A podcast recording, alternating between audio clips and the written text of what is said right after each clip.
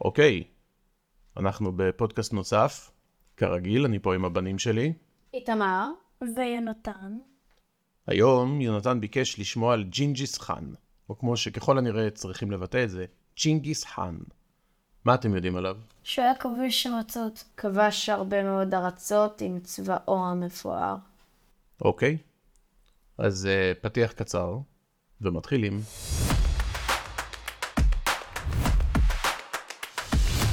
הסקרנים.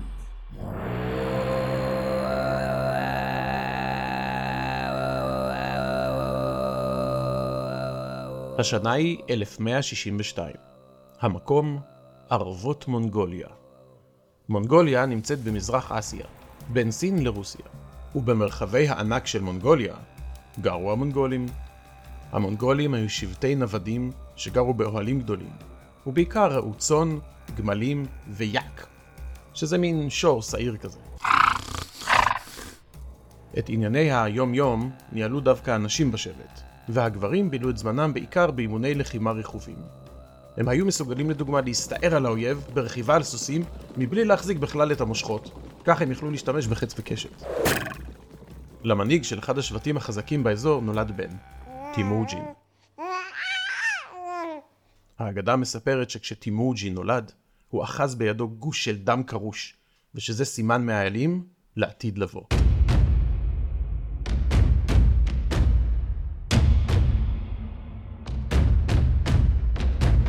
כשטימוג'ין היה בן תשע, הטטרים, האויב של המונגולים ממזרח, הרעילו ורצחו את אבא שלו. טימוג'ין והמשפחה שלו סולקו מהשבט ונאלצו לשרוד לבד במדבריות השלג של מונגוליה.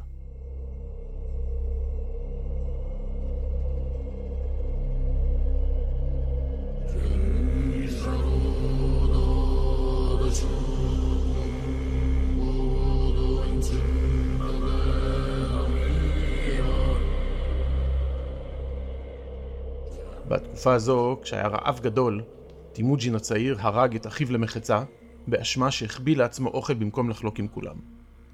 המעשה הזה עזר לו להפוך למנהיג החדש של המשפחה, ובהמשך של השבט. וזה כשהחבר הכי טוב שלו והאנדה שלו, ג'מוקה, לצידו. רוצים לנחש מה זה אנדה? חבר הכי טוב? אז אנדה זה אח לדם, הם היו אחים לדם. כאילו חברים ממש טובים?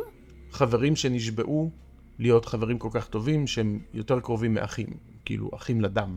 טימוג'ין הבין שהשבט הקטן שלו פגיע וחלש. אז הוא נשא לאישה את בורטה, נסיכה משבט חזק אחר, וככה איחד בין השבטים. אבל זה לא עזר לטימוג'ין, כי שבט המרקית האדיר תקף את השבט שלו, הרג את כולם, וחטף את בורטה אשתו.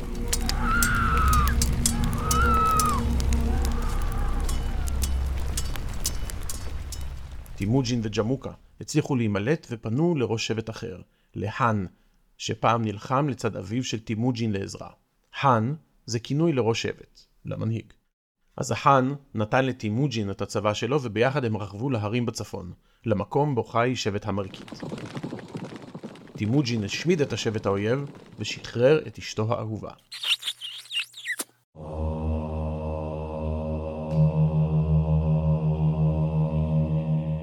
האירועים שעבר הפכו אותו לא רק למנהיג ולוחם אמיץ, אלא גם לימדו אותו את החשיבות של בריתות ושיתוף פעולה עם שבטים אחרים. עם השנים השבט התחזק וגדל, אבל משהו קרה שעמד לקלקל הכל.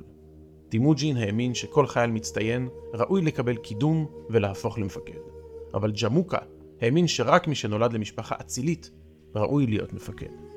פעם בהרבה מאוד uh, צבאות ומדינות היה נהוג שמישהו בן אצולה יכול להיות מנהיג או לפקד על צבא. טימוג'ין האמין אחרת. קוראים לזה מריטוקרטיה. זה אומר שמישהו שעושה משהו טוב, הוא מקבל על זה גמול, וזה מספיק גם אם הוא אדם פשוט ממוצא פשוט.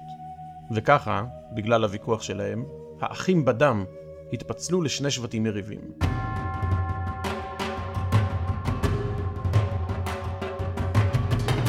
פעם אחת ג'מוקה תקף במפתיע את הצבא של טימוג'ין והרג את המפקדים באופן אכזרי ביותר. טימוג'ין נשבע באותו הרגע לנקום ולעולם לא להפסיד יותר בקרב. וכך היה. בשנים הבאות טימוג'ין נלחם וכבש שבטים נוספים, ואפילו נקם את מותו של אביו על ידי ניצחון גדול על הטטרים ממזרח.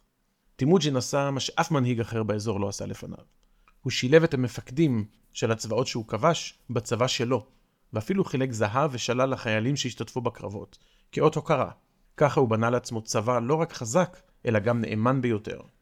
כמה שנים אחר כך, בערך בשנת 1201, נפגשו הצבאות של טימוג'ין וג'מוקה בקרב גדול, בו טימוג'ין הוכיח את הגדולה שלו כמנהיג צבאי, וניצח את הצבא של ג'מוקה.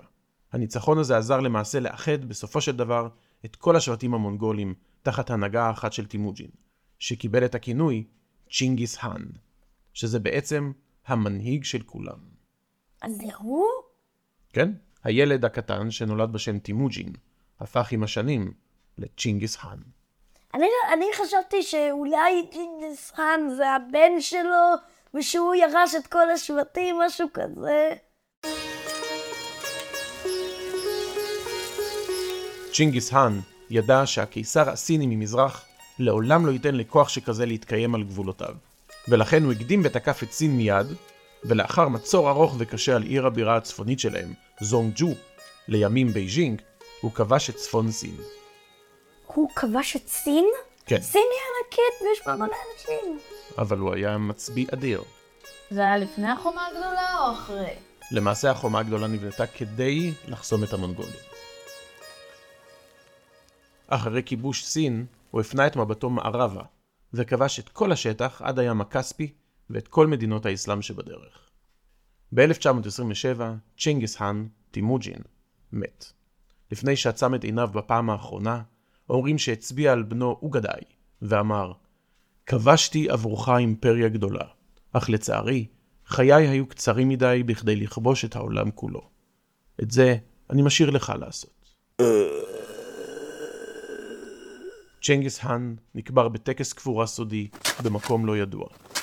האגדה מספרת שעל מנת שמקום הקבורה האמיתי לעולם לא יתגלה, כל מי שנכח בטקס הומת ולקח את הסוד איתו לקבר.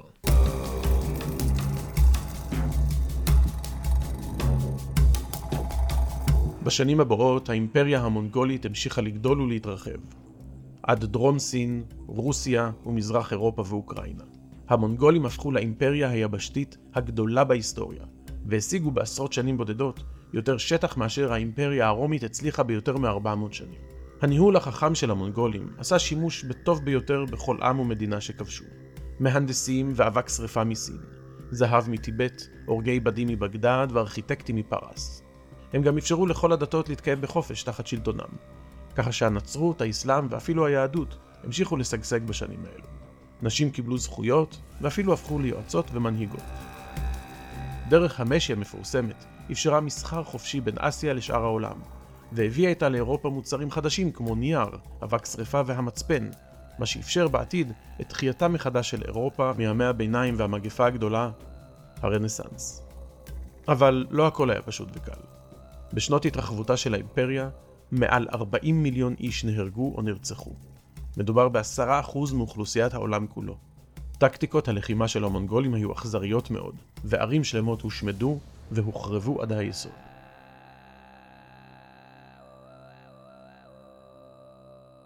אבל, וזה אבל גדול, מאחר והשלטון לא עבר בירושה, לא חלפו שנים רבות, והנכדים של צ'נגיס האן החלו להילחם על הזכות להנהיג את האימפריה הגדולה הזו. לבסוף, היא התפצלה לארבע ממלכות שונות. בסין, השושלת של קובלאי האן ייצגה תור זהב של מדע ותרבות. באיראן פיתחו ארכיטקטורה מתקדמת. הצ'אגתאי הקימו אימפריה בהודו, ובמזרח אירופה ורוסיה, אורדת הזהב שלטה לאורך שנים. למרות שלא התקיימה לאורך שנים רבות במונחים של אימפריות, האימפריה המונגולית שינתה את העולם באופן מובהק. למעשה, בגלל שצ'נגיס האן אהב נשים יפות ולקח לו לאישה את הנשים היפות ביותר מכל שבט שכבש, מחקרים עדכניים מוכיחים שאחד מכל 200 אנשים בעולם היום הוא צאצא ישיר של צ'נגיס האן. זה מטורף. זה יכול להיות שאחד מהמאזינים שלנו אפילו צאצא ישיר של צ'ינגס חאן. זה בהחלט אה, אפשרי, כי צ'נגיס האן האמין בלקבל את כולם, והוא לא עשה הפרדה בין אה, מונגולים לסינים, לעיראקים, לפרסים, ומאחר ואנחנו פה במזרח התיכון, אז בהחלט יש סיכוי גדול שחלק מהמאזינים שלנו הם צאצאים של צ'נגיס חאן. גם יהודים? מתוך הנחה, ואנחנו יודעים שהוא אפשר לכל הדתות להתקיים תחת השלטון שלו, כולל יהודים, אז בהחלט יש אפשרות כזאת. איך אנחנו יודעים מי, מי צאצא שלו? אפשר לעשות בדיקות DNA. אז מה אתם חושבים? מי היה צ'נגיס האן? אדם ששיפר את העולם וקידם מסחר, מדע ושוויון בין העמים? או כובש אכזרי שהשתמש באסירים כמגן אנושי בקרבות והחריב ערים שלמות עם כל מי שגר בהן? האופציה הראשונה. לדעתי זה לא יכול להיות כאילו נגדי שניהם. יכול להיות שהוא גם היה כובש אכזר, וגם בזמן הזה פיתח את המדע ואת הטכנולוגיה. אבל מה שכן לפי דעתי הוא היה בין הכובשים הכי טובים שהיו. אין ספק שהוא היה אחד מהמצביעים הצבאיים הגדולים בכל הזמנים, שהצליח להפוך מילד יתום מאב שגורש מהשבט שלו, למנהיג האימפריה הגדולה ביותר שהעולם ידע. כמה זמן הוא חי? אם הוא נולד ב-1162 ונפטר ב-1227, אז הוא היה בן 65? וואי, זה גיל צעיר למות. את האמת שלא. בתקופה הזאת זה היה גיל את האמת מאוד זקן, ואנשים ב- היו מתים בסביבות ה-50, 60. הגיל הזה זה מאוד זקן ומאוד אה, מרשים בשביל אה, מישהו בתקופה הזאת. זה נכון. תוחלת החיים הייתה קצרה מאוד בשנים האלה. הרבה בזכות אנשים כמו צ'נגיס האן, שפשוט הרגו אותך כשעוד היית צעיר. אוקיי, אז עד כאן על צ'נגיס האן והאימפריה המונגולית, ששינתה את העולם. ניפגש בפעם הבאה. ביי. ביי.